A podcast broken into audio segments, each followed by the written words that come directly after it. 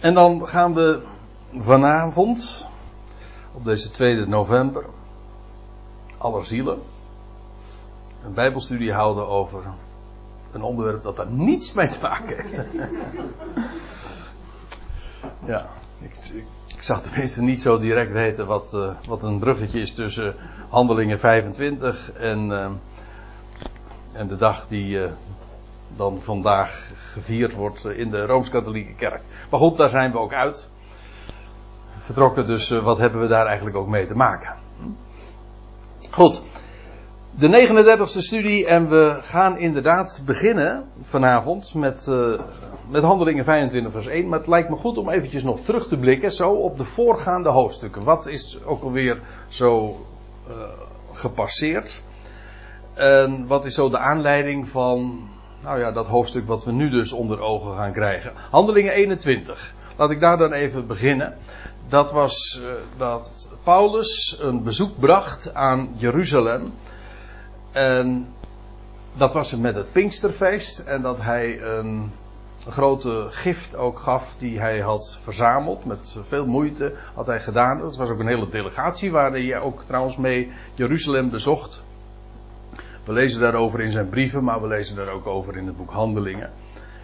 En hij draagt dan die gift daarover, hoewel trouwens in het boek Handelingen daar nauwelijks toespelingen op gemaakt worden.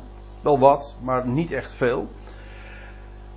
Afijn, hij bezoekt Jeruzalem, maar met lood in zijn schoenen. Want hij wist wat hem te wachten stond. Het was hem ook vele malen aangezegd, was hem hij was ervoor gewaarschuwd. En eigenwijs als hij was, tenminste zo werd het door anderen opgevat, is hij toch gegaan. Hij wist dat hij daar gevangen zou worden genomen. En wat hij vreesde en wat hij wist dat zou gebeuren, dat gebeurde ook daadwerkelijk. Hij werd gevangen genomen op een. Um, op gronden die trouwens helemaal niet waar waren. Maar goed, dat echoot uh, nog hoofdstukken lang door. Omdat hij, dat was dan de eerste aanklacht, dat hij uh, een, een heiden, een niet-Jood, een, een Griek, had binnengebracht in uh, de gewijde plaats, in de tempel. Afijn, hij wordt gevangen genomen. En dan kom je in handelingen 22. En dan lees je dat Paulus de gelegenheid dan krijgt van de Romeinse hoofdman. De hoofdman over duizend. Om zich te, daar boven aan de trappen te verdedigen naar zijn Hebreeuwse volksgenoten. En hij spreekt ze dan ook in het Hebreeuws toe. En hij geeft zo zijn relatie. Is in feite zijn laatste publieke toespraak daar in, in Jeruzalem. En hij verdedigt zich. En totdat hij dan, als hij dan zijn, zijn verhaal vertelt ter verdediging. Dan dat hij spreekt over het feit dat hij in Jeruzalem niet geloofd werd. En dat hij om die reden, ook door zijn Heer, zijn hemelse zender, was gezonden naar de natie. En als hij dat dan vertelt, dan. Nou, het publiek wat tot dusver rustig was gebleven, barst dan uit in toorn. En dan is hij zijn leven niet zeker, want ze proberen hem dan ook daadwerkelijk te lynchen. En um, dat zeg ik nu. Nee, dat was al eerder het geval. Dat ze hem probeerden te lynchen. Want nu was hij inderdaad al in veiligheid gebracht. Maar in ieder geval, uh, een enorme oproer ontstaat er. En dan is het de Romeinse hoofdman die hem alsnog uh, terzijde stelt en hem ondervraagt. En bij die ondervraging blijkt ook en dat is een belangrijk gegeven in, ja, in niet alleen historisch, maar ook qua betekenis, maakt Paulus ook bekend dat hij een Romeins burger is. Burger van de stad Rome met alle voorrechten die daarbij horen. en uh, dan, dat uh, is erg belangrijk ook voor zijn verdere behandeling. Want dat betekent, dat is een, een, grote status. Dan komen we in Handelingen 23 en daar krijgt hij nog een keer de gelegenheid, dat is de, inmiddels de volgende dag, om het Sanhedrin, de Joodse raad toe te spreken. Dan is die Romeinse hoofdman er ook bij. En hij spreekt de Joodse raad dan toe en dan vertelt hij ja, waarom hij nu feitelijk uh, zo ter discussie staat. En dan ontstaat er eigenlijk al heel gauw een enorme twist in de Joodse raad zelf tussen de Sadduceeën en de Fariseeën. En dat uh, toen moest Paulus trouwens opnieuw weer in veiligheid gebracht worden, want weer uh, dreigde het te escaleren. En dan wordt Paulus weer ja, ge, ge, gevangen gehouden door de Romeinen. En dan komt, uh, en dan wordt er een, een complot tegen hem, een samenswering wordt er georganiseerd in het geheim. En dan, men zou hem de volgende dag, zou men hem gevangen nemen en men ook, nee niet alleen gevangen nemen, men zou hem doden als hij op weg zou gaan opnieuw naar de Joodse Raad. Dat was het idee. Nou, Paulus komt dat via zijn neefje aan de weet. En zodat dat hele complot dus toch niet doorgaat. En dan diezelfde nacht nog, met een enorme grote Romeinse escorte van honderden mensen, soldaten, paarden, weet ik wat allemaal wordt hij geëvacueerd naar Caesarea, naar de kustplaats, de residentie van de stadhouder. Trouwens ook waar het paleis van Herodes uh, zich bevond. Eigenlijk een, uh, ja, een heel uh, grote stad, op Jeruzalem na, de grootste stad van, van Israël, vergis je niet. Hij wordt daar dus in het geheim ge naartoe geëvacueerd, feitelijk dus allemaal beschermd door de Romeinen. Een Jood dus, een sterker nog iemand, als je er zo over denkt, een, iemand die het, waarvan, eh, die zelf zegt, ik ben een Hebreeër der Hebreeën, en uh, in het Jodendom had hij het verder gebracht dan vele van zijn tijdgenoten, zegt hij in Galaten 1. En dan uitgerekend deze man, die nu op de hielen gezeten wordt door de Joden, door zijn volksgenoten, daar de, velen daar in Jeruzalem. En zijn leven niet zeker en moet beschermd worden als Romein door, de, door het Romeinse leger. Een, bizarre situatie als je erover doordenkt. Maar het is natuurlijk heel belangrijk om dit goed allemaal in ogenschouw te nemen. Want het, het heeft allemaal plaats in het relaas van Lucas ja, die niet alleen maar beschrijft van hoe dat ging in de eerste tientallen jaren, zeg maar, van uh, na de, de hemelvaart van de Heer Jezus. Nee, het gaat er ook over hoe, hoe, het, hoe het evangelie aan Israël werd gezonden, maar ook werd verworpen en hoe het via. En door die afwijzing ook naar de natieën terechtkomt. Of, als ik het heel erg uh, grof zeg, hoe het evangelie van Jeruzalem gaat naar uiteindelijk Rome. Begin en het eind. En als je zo een rechte lijn trekt tussen die, tussen die twee locaties, waar het begint en eindigt, dan heb je eigenlijk ook feitelijk het hele, uh, niet alleen historisch, maar ook geestelijk, de, oh, profetisch, heb je de lijn van het boek ook te pakken. Dat is handelingen uh, 23, dat hij dus daar in Caesarea wordt ondergebracht en daar, daar bivakkeert Paulus dan in gevangenschap twee jaar. En daar komt hij voor stadhouder Felix te staan. En dat is wat we de vorige keer hebben besproken. En wat je dus niet meer kunt nabeluisteren. Maar goed, dat is een technisch mankementje, zeg maar. Overigens, de, de PowerPoint staat wel op het internet, dus dat is een aardige samenvatting van wat we zo die avond toch hebben besproken. Ja, uh, Kobe en nee, wat? Meer konden. Meer kan ik er niet van maken. Ja, er is mij ge, er is geopperd om het uh, gewoon thuis uh, nog eens een keer allemaal te gaan vertellen. Uh, met, met de microfoon open. Maar dat werkt niet. Tenminste, bij mij niet. Ik, mo ik moet jullie zien, zeg maar. Foto. Hè? Voor een foto? Ja, of foto? Nee, nee, nee, nee. Het moet echt live. Ik kan het niet spelen. Ik ben een slecht acteur. Dat zal het zijn. En Afijn, uh, Paulus komt dan voor, uh, voor stadhouder Felix uh, te staan. En dat is een heel proces. Maar dat proces wordt dan, want Felix zit ermee in zijn maag, verdaagd. Waarom zit hij ermee in zijn maag? Wel omdat hij overtuigd is van Paulus' onschuld. Maar het naar de Joden toe niet kan maken om hem vrij te laten. En daarom laat hij de zaken gewoon op zijn beloop. Hoewel Felix trouwens in het geheim wel degelijk bijzonder geïnteresseerd is in wat Paulus te melden heeft. Hij test hem trouwens ook nog uit of hij of die niet, uh, uh, of die geen steekpenningen wil geven enzovoort. Maar dat doet Paulus allemaal niet. Paulus is een man die gewoon recht toe, recht aan, zuiver staat. En vertelt uh, ja, gewoon dat waar hij toegezonden is. En uh, vlak voordat ik het huis verliet, toen hadden onze jongens hadden een, een nummer opstaan. En dat, dat waren ongeveer de laatste woorden waar ik mee zeg maar, het huis verliet. Dat, en, maar daarin kwam de strofe voor. Practice what you preach. Nou, dat is wat Paulus echt dus deed. Hij praktiseerde, hij deed, hij leefde dat wat hij ook daadwerkelijk uitdroeg. Het proces werd verdaagd en dan, eh, na een periode van twee jaar, wordt Felix, de stadhouder, opgevolgd door stadhouder Festus.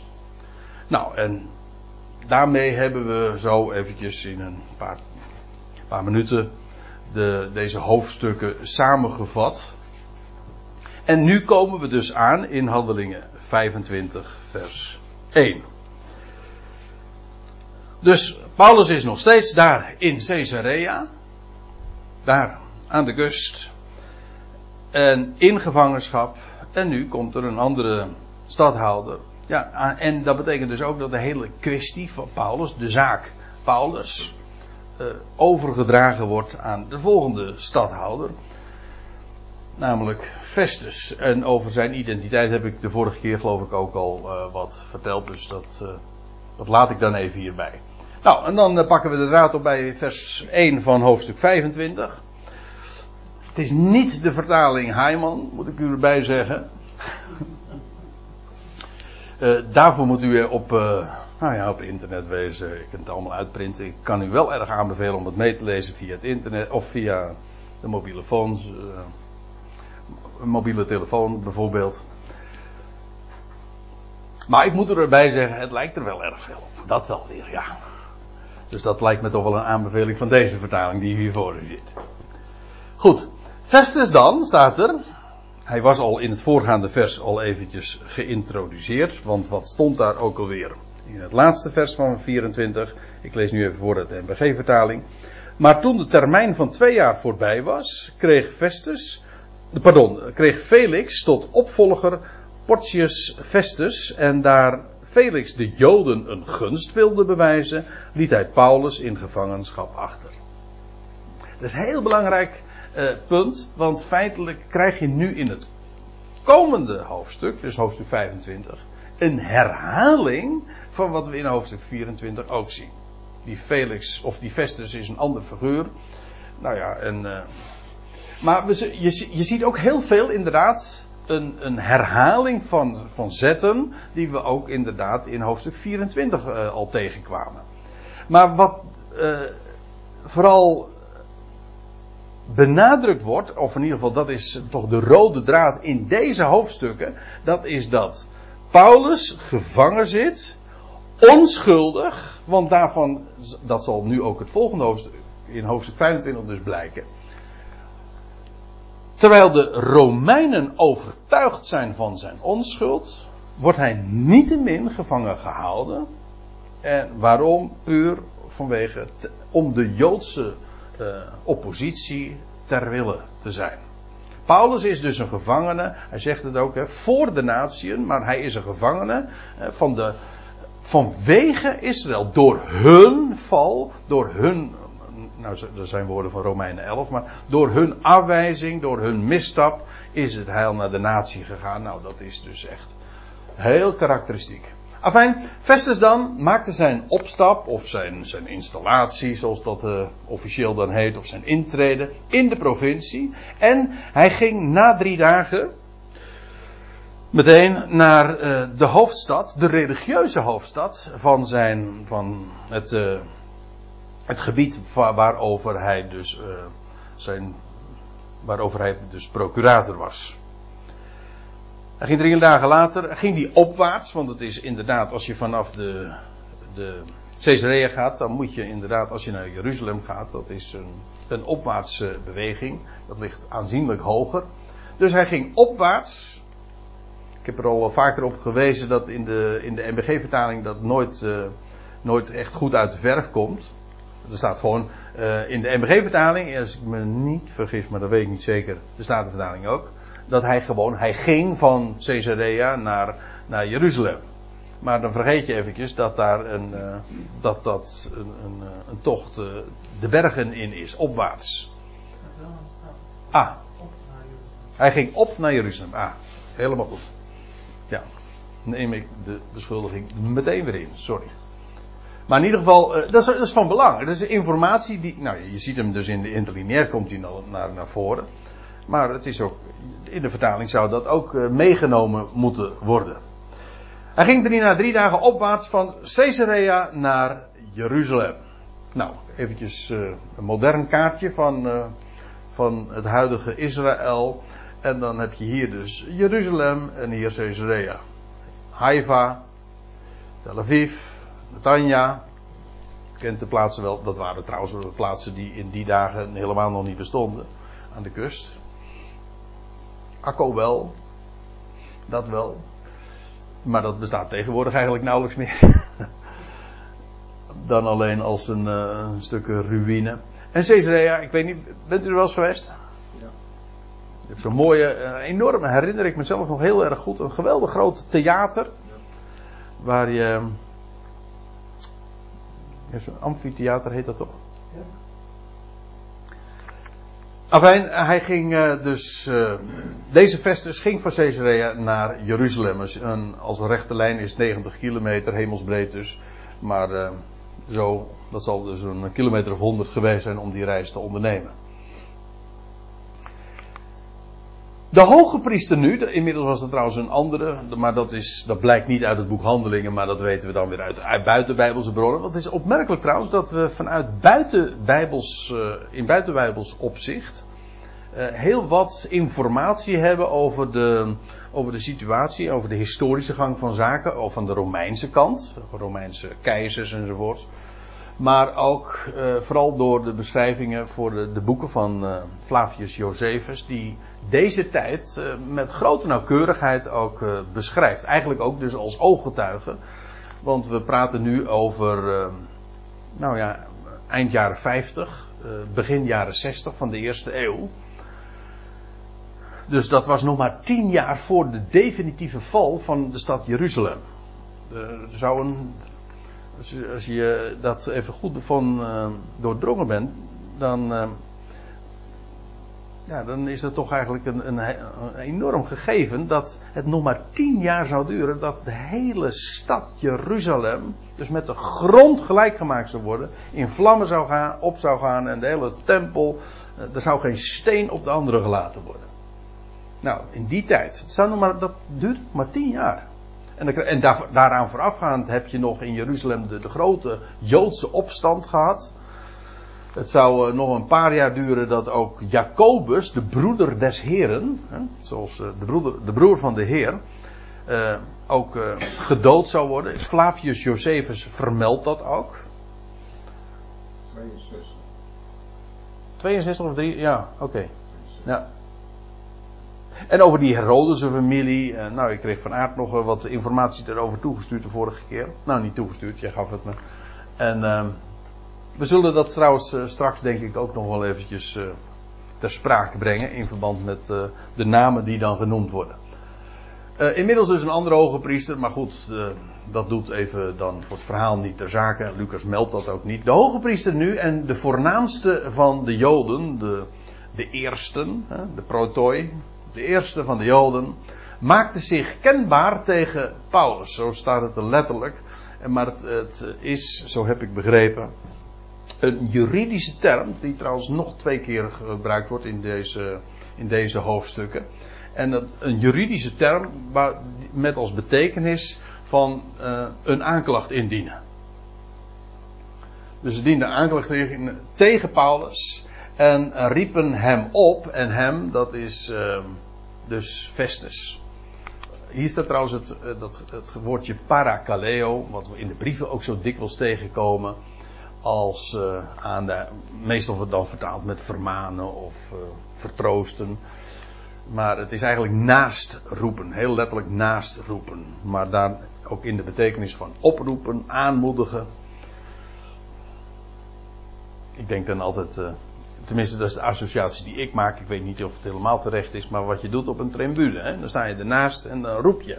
En als aanmoediging. Of als je langs de lijn staat. En ze riepen hem op. Ehm, dus die, die, Joodse eh, delegatie. We, praten dus, wacht eventjes, even voor de goede orde. Hij is dus van Caesarea nu. Uh, hij was net geïnstalleerd. Drie dagen later gaat hij naar Jeruzalem toe.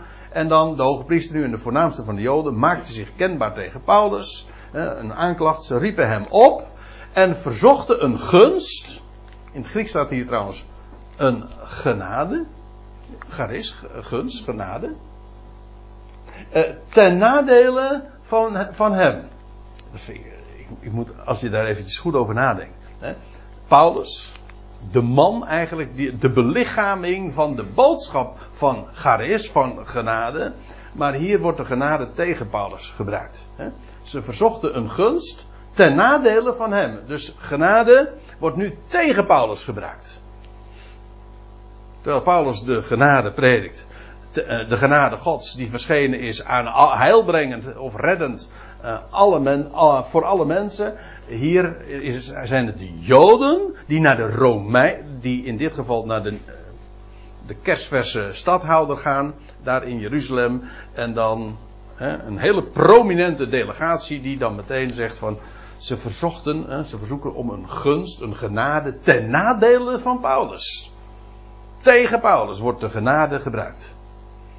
Eigenlijk komt er dus op neer. Ze zochten een gunst voor henzelf. Ja, namelijk om Paulus om te brengen, want daar komt het op neer. Blijkt ook echt trouwens letterlijk zo. Uh, ik geloof dat het straks later nog uh, in dit hoofdstuk ook nog dat we dat zullen lezen. Dat ze vinden dat hij niet behoort te leven. Maar dat was, dat was sowieso natuurlijk al duidelijk inmiddels. Ze verzochten een gunst ten nadele van hem dat hij, dat hij, dus Festus, hem naar Jeruzalem zou laten halen, omdat zij een, nou komt het echte motief, omdat zij een hinderlaag maakten om hem onderweg uit de weg te ruimen. Dus Paulus is daar nog in Caesarea gevangen, de nieuwe, de nieuwbakken stadhouder procurator uh, is uh, nu naar Jeruzalem voor een bezoek. Ja, eigenlijk was Jeruzalem natuurlijk de religieuze hoofdstad van zijn, van zijn gebied. Nou, en nou vragen ze van, alsjeblieft, laat die Paulus nou gewoon weer terugkomen naar Jeruzalem. Waar die twee jaar geleden al naartoe vertrokken was. Hè? In het geheim, in die evacuatie, weet je waar we het net over hadden. Opmerkelijk is dat Lucas al goede bronnen gehad om dit te weten te komen. Ja. Dat staat er even op. Ja.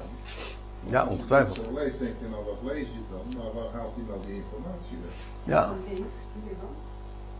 Sorry? Neef die daar al eerder was. Bijvoorbeeld, ja. Ja, Ja, ja hij heeft zijn. Uh, bronnen gehad nou, kijk, uh, kijk hij, uh, hij, was een medereiziger natuurlijk van Paulus. Dus Paulus is natuurlijk gewoon, ja, als direct betrokkenen natuurlijk ook heel goed op de hoogte geweest van wat er allemaal zo speelde. Maar in dit geval, van deze delegatie, daar is hij niet bij geweest. Daar is Paulus, was ook Paulus niet bij. maar goed. Ja. Hij heeft zijn bronnen gehad. Nou, je leest Paulus dat Lucas ook zegt. Maar dat zegt hij al als ter inleiding van zijn, uh, van zijn eerste boek.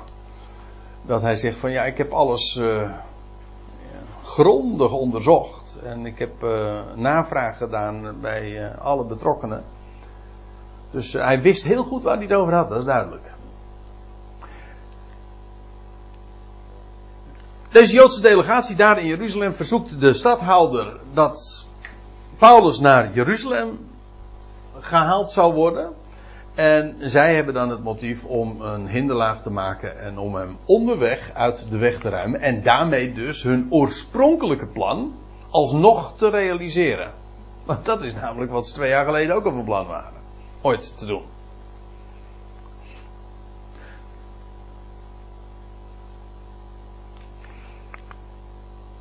Festus inderdaad dan antwoordde dat Paulus in Caesarea in bewaring zou blijven. Dat inderdaad is, dat klinkt wat vreemd. Toch staat het er wel, echt. Hè? Er staat echt inderdaad. Je zou zeggen van nou, nou, nou bevestigt hij hun verzoek. Uh, het, het, komt mij wat, uh, Als het anders is, dan hoor ik het graag, maar het komt mij wat politiek over. een politieke antwoord, weet je, dat iemand, je, een microfoon wordt onder een politicus mond gestopt en krijgt een vraag en dan gaat hij bevestigen en, en dan zegt hij ja, ja, ja en vervolgens zegt, zegt, hij nee. Ja. Uh, dat daar heeft het hier ook iets van. Uh, die, Joodse delegatie die vraagt: haal Paulus nou naar Jeruzalem? Dan zegt van ja, inderdaad. Maar Paulus blijft er in Caesarea achter. Hoezo inderdaad? Nou, er zit, wel een, er zit een bevestigend element in, en namelijk, en dat is dat hij hen wel een alternatief biedt. En, maar goed, daar, dat blijkt nu vanzelf wel. Festus inderdaad aan antwoorden dat Paulus in Caesarea in bewaring zou blijven. Het staat er niet, maar je mag aannemen dat als Festus nu, de nieuwbakken stadhouder, uh, ja, zijn stadhouderschap heeft overgedragen gekregen van Felix, dat hij ook wel het een en ander verteld zal hebben over de kwesties die zo speelden. En dus ook de kwestie Paulus. En dat, en Festus was op de hoogte uh, pardon, uh, Felix was op de hoogte, uh, wist hoe het ooit gegaan was en waarom Paulus ooit in het geheim geëvacueerd moest worden naar Caesarea. Dus waarschijnlijk heeft Festus wel aangevoeld, ja, als ik dat, dat doe, ja, dan teken ik feitelijk het doodvonnis voor Paulus. En dat kon hij zich niet permitteren. Die Festus trouwens, dat zal vanzelf wel blijken, dat die, die nou ik wil niet te veel positief van hem zeggen, want ook hij is uiteindelijk een opportunist. Maar uh, hij gaat in ieder geval voortvarender en ook wat eerlijker te werk dan, uh, dan zijn voorganger. Hij besluit in ieder geval dat Paulus in Caesarea in bewaring zou blijven. En uh, zegt hij dat hij zelf nu op het punt stond snel daarheen uit te gaan. Dat wil zeggen, hij, hij was nu in Jeruzalem. Maar hij zou weer teruggaan naar zijn eigenlijke residentie, namelijk naar Caesarea. En dan zegt hij, dit is het alternatief dan. Zij verzoeken dan Paulus, verzocht, verzochten dus Paulus naar Jeruzalem te halen. Dat, dat gebeurt niet, zegt hij. Hij zegt, ik ga weer terug naar Caesarea. En degene dan onder jullie, zei hij, nadrukkelijk, die kunnen, uh, ja, die, de machtigen, dat, dat wordt wat verschillend geïnterpreteerd, dat wil zeggen die bij machten zijn, of die in staat zijn tot, uh, die kunnen, die dalen af met mij. Ja, want als je dan van Jeruzalem naar Caesarea gaat, dan daal je weer af natuurlijk. Hè? Die dalen dan af met mij. Indien er iets onbehoorlijks is in deze man, laat hen hem dan beschuldigen. Met andere woorden, ik ga weer terug naar, uh, naar Caesarea. Daar is die Paulus. En als jullie uh, dat een proces tegen hem willen starten, prima. Kom naar Caesarea. Iedereen die er in staat is, nodigt die uit om dat uh, te doen. En hij geeft daarbij ook aan, als er inderdaad die aanklacht terecht is, wel, kom dan maar met de beschuldiging. Hij nu vertoefde onder hen niet meer dan acht of tien dagen. Hij is daar dus niet al te lang in Jeruzalem gebleven. Zo naar zijn, direct naar zijn aantreden. En vervolgens gaat hij na die termijn, dik een week, uh, terug. Hij daalde af naar Caesarea. En, over voortvarend gesproken, hij ging de volgende morgen zitten op het podium en hij beval Paulus voor te leiden. Je ziet hier trouwens, hier staat uh, ik, het, woordje podium. Afgelopen zaterdag heeft Menno er ook nog even op gewezen. In de NBG-vertaling wordt dat altijd weergegeven met uh, rechterstoel. Maar uh, als je de handboeken erop naleest, bijvoorbeeld de studiebijbel. Hè, nee, ik, ik, kan geen hoofdstuk en pagina's eventjes zo voorschotelen.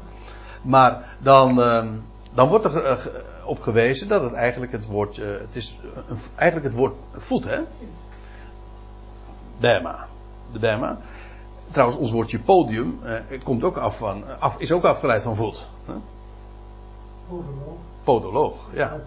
Ja. Dus uh, een podium is gewoon een plek, een, een opstap, hè, waar je je voet dan uh, opzet. Een, een podium wat voor allerlei doeleinden dan gebruikt kan worden. Inderdaad, waar ook rechtspraak plaatsvindt. Dus een rechter, het kan wel degelijk ook een podium zijn waar een, een, een rechter uitspraken doet. Dat, het woord is breed genoeg om dat ook in te sluiten. Maar het is, het is breder. Dan, het, het is niet, de gedachte is niet die van een rechterstoel, maar die van een verhoging, een podium. En zelfs die van een erepodium, namelijk waar prijzen worden uitgereikt. Afijn, de volgende dag ging hij meteen, als hij terug is in Caesarea, gaat hij zitten op het podium en hij beval Paulus voor te leiden. Toen hij nu aankwam, daar uh, uh, omringde hem de Joden die van uh, Jeruzalem waren afgedaald. Dus het is niet tegen, tegen de overmans oren gezegd. Toen hij zei, zei van nou, kom maar naar Jeruzalem of kom maar naar Caesarea. Ze hebben inderdaad daadwerkelijk zijn ze naar hem, hem achter, achteraan gegaan. Toen hij nu aankwam, omringden hem de Joden die van Jeruzalem waren afgedaald. En zij brachten vele zware, dat wil zeggen dus, een ander woord wat wij daarvoor gebruiken, belastende beschuldigingen in, beschuldigingen in uh, die, ze niet waar, die ze niet konden aantonen. Ja. Het is zo dat als je. Het geldt trouwens voor alles. Elke beschuldiging, die moet je dat natuurlijk wel kunnen bewijzen. Want hoe is het ook alweer? Iemand is onschuldig in de fatsoenlijke rechtspraak. Totdat het tegendeel blijkt. En hoe zwaarder de beschuldiging, hoe zwaarder trouwens ook de bewijslast dient te zijn. Zij brachten vele zware belastend materiaal dus aan, dat wil zeggen beschuldigingen, maar ze konden het niet waarmaken. En ook hier heb je dus weer een herhaling van wat we in hoofdstuk 23 ook al zagen. En trouwens, in hoofdstuk 22 ook al. Namelijk toen die Romeinse hoofdman uh, hem uh, ondervroeg. Want die dacht ook van ja, wat, ja hoor, het was al, al gauw duidelijk. Ja, het zijn interne Joodse kwesties over hun godsdienst. Zo heeft die Romein er tegen aangekeken. Felix, dus zijn voorganger, de Festus voorganger, dacht, eh, had dezelfde conclusie. En nou uh, ja, komt ook uh, Festus erachter van ja, uh, ze hebben weliswaar hele zware beschuldigingen en het fanatisme is enorm, want dat blijkt dan maar weer. Maar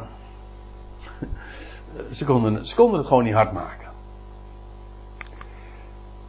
Terwijl Paulus zich verdedigde, en over herhaling gesproken, want dat soortgelijke dingen lazen we dus ook al in Handelingen 24. En dan begrijp je ook, ook dat is een element wat je wat je, je moet uh, realiseren. Het is natuurlijk niet voor niks dat Lucas dit zo, zo ook uh, neerzet. Zo'n beschrijving. Want dit, dit ondersteunt precies ook de hele verhaallijn. Dat wat hij aan, wil aantonen, namelijk dat Paulus als een afgevaardigde van Christus Jezus is naar Jeruzalem gegaan, is ten onrechte beschuldigd en veroordeeld. En nu in bescherming wordt hij genomen door de Romeinen. En, en als hij dan bij de ene stadhouder, uh, die moet vaststellen dat hij onschuldig is, maar niettemin toch gevangen blijft. Allemaal ten gunste van de Joden. In Handelingen 25 zien we precies hetzelfde verhaal.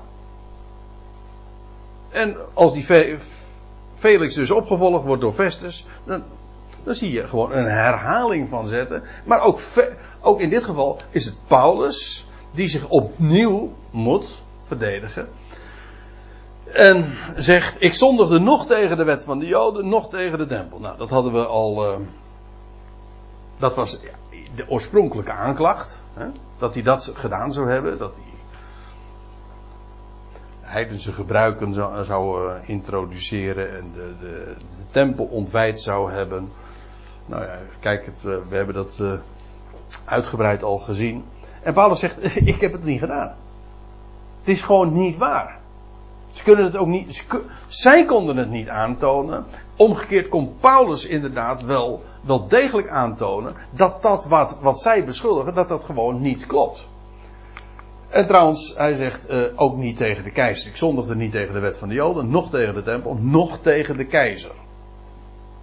Want ook al even in het voorgaande hoofdstuk uh, aan de orde, dat hij uh, zegt van ja, ik ben helemaal geen aanzetter van oproeren. Kijk, dat, is nou, dat was een element waar, waar, waar vooral die stadhouder natuurlijk in geïnteresseerd was. Die interne Joodse discussies, die kon, dat, dat boeide hem niet een aardige uitdrukking natuurlijk in verband met gevangenschap. Hè. Dat boeide hem niet. Maar uh, wel natuurlijk als de rust in zijn rijk of in zijn, zijn gebied eh, zou uh, worden verstoord. Ja, precies ja. Dat, dat was wel natuurlijk een kwalijke zaak. Je leest trouwens, maar dat is vele hoofdstukken inmiddels alweer terug. Dan lees je in hoofdstuk 17 dat is trouwens ook weer iets wat dan de Joden bedenken. Uh, dat zij dan zeggen, en zij handelden allen in strijd, vertaling Heiman, zij hadden, allen in strijd met de officiële besluiten van de keizer. Uh, door te zeggen dat er een andere koning is, Jezus. Dat, zeggen, dat is dan wat Joden daar in Korinthe zeggen uh, over Paulus. Dan zeggen ze ja, zij, hij, hij heeft het over een Curios. Curios Jezus. Maar uh, dat is uh, eigenlijk tegen de keizer. Dat is natuurlijk een nep argument voor de Joden. Maar goed, als ze het konden gebruiken, deden ze het. Het is een heel vals spel. Maar Paulus zegt, ja, het, is, het gaat nergens over. Hij zegt, ik heb nooit iets ook maar gedaan tegen de keizer. En als je enigszins op de hoogte bent van zijn hele optreden. En trouwens ook zijn brieven. Paulus heeft in deze tijd ook de Romeinenbrief geschreven. De Romeinenbrief, ja, inderdaad, aan, de, aan, aan degenen die in Rome waren. Weet u wie er toen in deze dagen, dat, dat, dat hij voor Festus uh, verschijnt, en, en voor Felix al eerder. Weet u wie er toen keizer was? Nero ongeveer, nou, het is haast een begrip hè, van iemand, van een, een gruwelijk, die een gruwelijk bewind heeft gevoerd. Maar die keizer, dat was de man in die dagen. En als je dan leest in Romeinen 13 dat Paulus zegt over de overheid, dat je je zou onderschikken aan de overheden. Ook je gewoon je belasting zou betalen. En, eh, en wie zich verzet tegen, een, eh, tegen, een, tegen de overheid, eh, die wederstaat een instelling Gods. Eh, woorden van die strekking. Dat is wat Paulus zei. En leerde en ook praktiseerde. Vers 9. Festus nu, die de Joden een gunst wilde neerzetten. Kijk, hier komt weer uh, iets uh, ongunstigs over, toch over die Festus aan het licht. Nou, op zich niet dat hij de Joden een gunst wilde bewijzen, maar dat dat over de rug van Paulus ging en bovendien ook tegen het recht in. Kijk, als je, als je vaststelt dat iemand onschuldig is, dan zou je gewoon, hij als stadhouder, zou moeten doen wat hem te doen stond, namelijk hem vrijlaten. Hij was toch stadhouder? Daarom wordt het voor. Eh, de eerste simpele conclusie zou zijn dat had zowel Felix als Festus hadden dat ook het liefst gedaan. Hem vrijgelaten. Maar het is om de Joden een, genade te, eh, te, bewijzen of een, een gunst neer, voor hen neer te zetten. Nou, gaat hij toch draaien. Hè? We kennen de uitdrukking allemaal wel van macht corrumpeert. Dat wil zeggen, op het moment dat je in een positie bent om besluiten te nemen over anderen en je macht hebt, dan uh, dat doet de meeste mensen geen goed. Dat, uh, is, dat ligt haast in de aard van, van, van, van macht.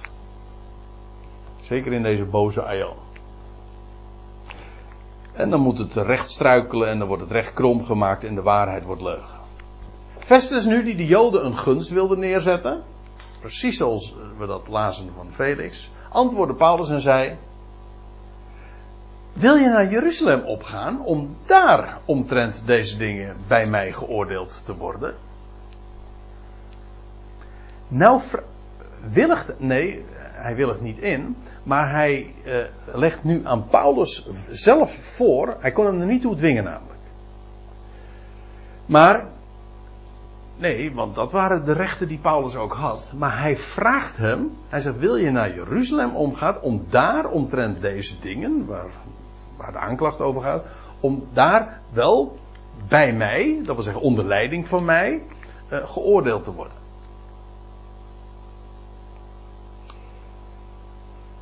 Nou ja, het antwoord ligt voor de hand natuurlijk. Maar Paulus zei: Ik sta op het podium van de keizer. Nu, hij stond nu ook echt op het podium van de keizer. Weliswaar niet omdat de keizer daar aanwezig was, maar het was keizerlijke bodem, zeg maar, waar hij op stond. Namelijk die stadhouder was niks anders dan een delegaat, een, een, een ondergeschikte van de keizer, die ook namens de keizer optrad. Paulus zegt: Ik sta op het podium van de keizer daar moet ik geoordeeld worden. Hij zegt, en de Joden, die nu allemaal uit Jeruzalem komen, doe ik geen enkel onrecht, zoals u zeer wel beseft. Epignosis. Je beseft dat, je weet dat, je realiseert je dat donders. Hij zegt, en dan gaat Paulus nog verder, indien ik echter inderdaad onrecht doe, en ik iets heb gepleegd wat de dood waardig is, dan weiger ik niet te sterven. Nou, staat heel, stemt daar volledig mee in. de, de dood waardig. Wij, kennen dat uh, ja, dus in, in, het moderne concept. Uh, bestaat er niet meer zoiets. Hè, dat de dood waardig is, want we hebben de doodstraf uh, afgeschaft. En in zekere zin denk ik wel eens een keertje in in een, in een boze aion is dat misschien niet zo verkeerd. Maar strikt genomen is het zo dat aan de overheid hè, een zwaard is toevertrouwd. Dat zegt Paulus ook in datzelfde Romeinen 13 waar ik zojuist even aan refereerde. En de overheid heeft wel degelijk. Feitelijk de kiem van de overheid vind je al in, in, in uh, Genesis 9, waar je leest dat tegen Noach gezegd wordt na de, na de grote vloed die over de aarde was gegaan. Wie des mensen bloed vergiet, wie het bloed van de mens vergiet, diens bloed zal vergoten worden. Juist omdat het bloed van de mens, het leven van de ziel van de mens, eh, daarmee ook, eh, heilig is, is een aanslag op dat leven, op die ziel, wordt zo hoog uh, opgenomen dat degene die dat doet ook ter dood gebracht wordt. Tegenwoordig wordt het andersom geredeneerd. Dus, uh, gewoon in het algemeen, ik bedoel in de westerse wereld moet je, je moet vandaag niet meer zeggen van dat je een voorstander bent van de doodstraf.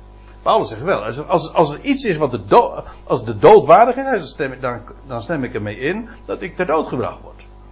Maar wij zeggen dan van ja, het leven van de mensen is zo kostbaar, daar mag je nooit aan zitten. Daar mag de overheid dus ook niet aan zitten.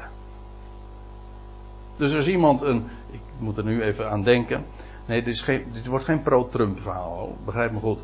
Maar ik, ik, las juist vanmorgen in de krant dat uh, na aanleiding van die aanslag daar in New York.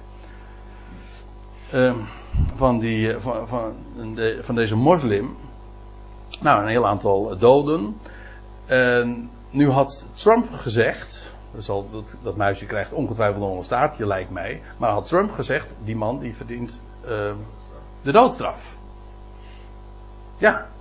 En dat is. Uh, naar bijbelse maatstaf is dat ook zo. Want hij heeft het bloed van mensen vergoten. Willens en wetens. En dus verdient hij de doodstraf. Dat is gewoon. Dat is recht ook. Maar goed, dat is allemaal omstreden. En, uh, dat is politiek. En uh, dat maakt ook allemaal niet zoveel uit. Hoe, de overheid dat regelt, dat is haar zaak. Maar Paulus die, uh, die erkent dat gewoon. Als er iets is wat ik, wat ik heb gepleegd, hij past, hij past het dus heel persoonlijk toe. Wat de doodwaardig is, hij zegt dan weiger ik niet te sterven. Hij erkent dus het recht van de superieuren om eh, de doodsstraf uit te voeren. Hij zegt, indien er echter niets is, of in de zin dus van niets waar is, waarvan zij mij beschuldigen, kan niemand mij aan hen als gunst weggeven. Dat kan niet.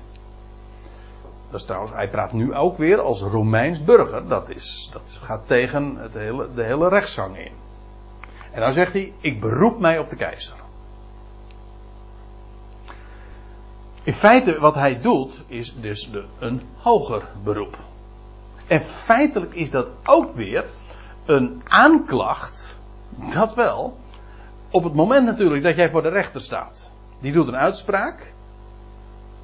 En je gaat in hoger beroep, dan, daarmee disqualificeer je feitelijk de, de rechter die nu uh, jouw uh, hele zaak in behandeling heeft genomen.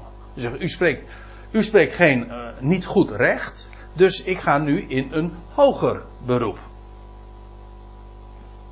Ook dat was het recht van een Romeins burger om dat te doen. Weliswaar onder voorwaarden, dat bepaalde condities. Maar dat is wat Paulus nu doet. Hij zegt: Ik beroep me op de keizer. Want nu. Uh, hij, voelde, hij, voelde zich ertoe gedwongen. Kennelijk toch dat Paulus uh, nu ertoe aangezet werd om alsnog naar Jeruzalem toe te gaan. Uh, weliswaar had Festus hem dat gevraagd, maar kennelijk kon hij, ik, ik, zojuist zei ik uh, niet, maar terwijl ik er even over doordenk, kennelijk heeft hij toch Festus het, het, in zijn macht, of het, was in het vermogen of in, in de volmacht van, van Festus om inderdaad Paulus over te brengen naar, naar Jeruzalem. Waarom Waarom zou Paulus zich uh, anders op de keizer beroepen? Dat blijkt ook uit een ander verband, want nou kom ik met mijn bewijs.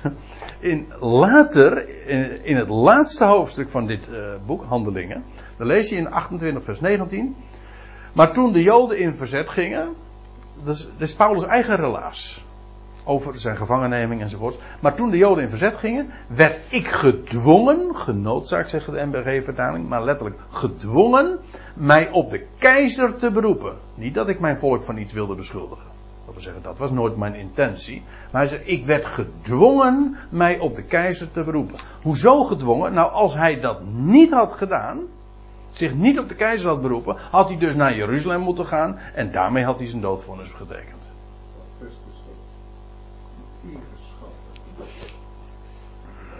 Ja. wel een man die dus dit van jurisprudentie natuurlijk best wel wist wat hij moest doen en wat hij kon doen. Ik heb meer het idee dat hij ontzettend bang was voor dat hij onder was die inderdaad de Joden ja. niet in feite zou toegeven dat er heel veel onrust zou zijn. Dat was natuurlijk ja.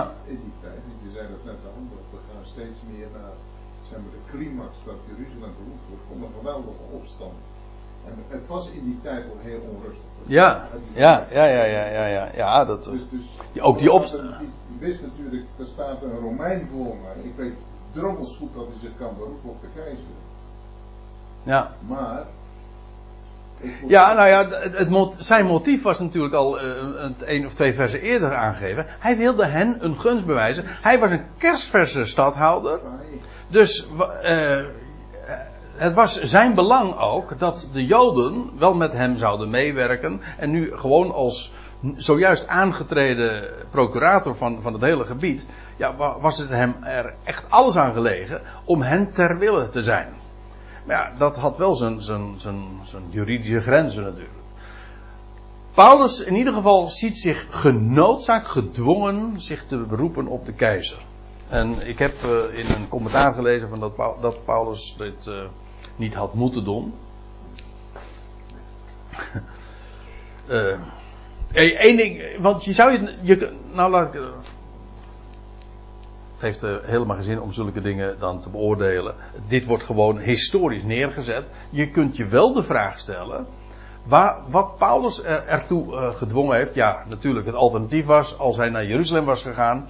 Nou, dat was eigenlijk zijn doodvonnis geweest. Maar was Paulus daar zo bang voor dan? We weten van niet. Paulus is bereid, nou ja, niet alleen maar als die, als die inderdaad, als de aanklachten terecht waren, om, dan zou hij de doodstraf willen ondergaan. Maar hij was ook, dat had hij al veel eerder gezegd, ik ben bereid om voor de naam van mijn Heer te sterven. Ik denk dat er iets anders ook nog speelt, en dat is dat de Heer tegen hem gezegd had, je zult naar Rome toe gaan. In handelingen 21 lees je, nee 22 lees je dat. Als hij dan net voor de Joodse raad is geweest, Even kijken hoor. Goh. Die letters vertegenwoordigen worden steeds kleiner. In. Ja, in de handelingen, drie, deze handelingen 23. En dan heeft Paulus de, heeft hij voor de raad gestaan. Het Sanhedrin. En dan lees je in vers 11. En de volgende nacht stond de Heer bij hem en zei: Hou moed. Want zoals je te Jeruzalem van mij getuigd hebt, moet je ook te Rome getuigen. Dus dat zal ongetwijfeld nog in Paulus' oren geëchoed hebben. Ik moet in Rome wezen. En dat hij zich om die reden, heeft ook, ook die reden uh, zich nood, genoodzaakt zag om zich te beroepen op de keizer. A, het was een recht. B, het alternatief was dat hij naar Jeruzalem zou gaan en zo ter dood gebracht zou worden. En C, hij had van de Heer al vernomen, ik moet in Rome gaan getuigen. Dus ja, uh, 1 en 1 is 2. Ik beroep mij op de keizer. Dat is het hoogste beroep wat je kan doen natuurlijk. Nou ja, dat is dan vers 11. Ik uh, stel voor dat we eerst maar eventjes gaan pauzeren en dan na de pauze pakken we het op. De draad bij... Uh, bij vers 12 stel ik voor.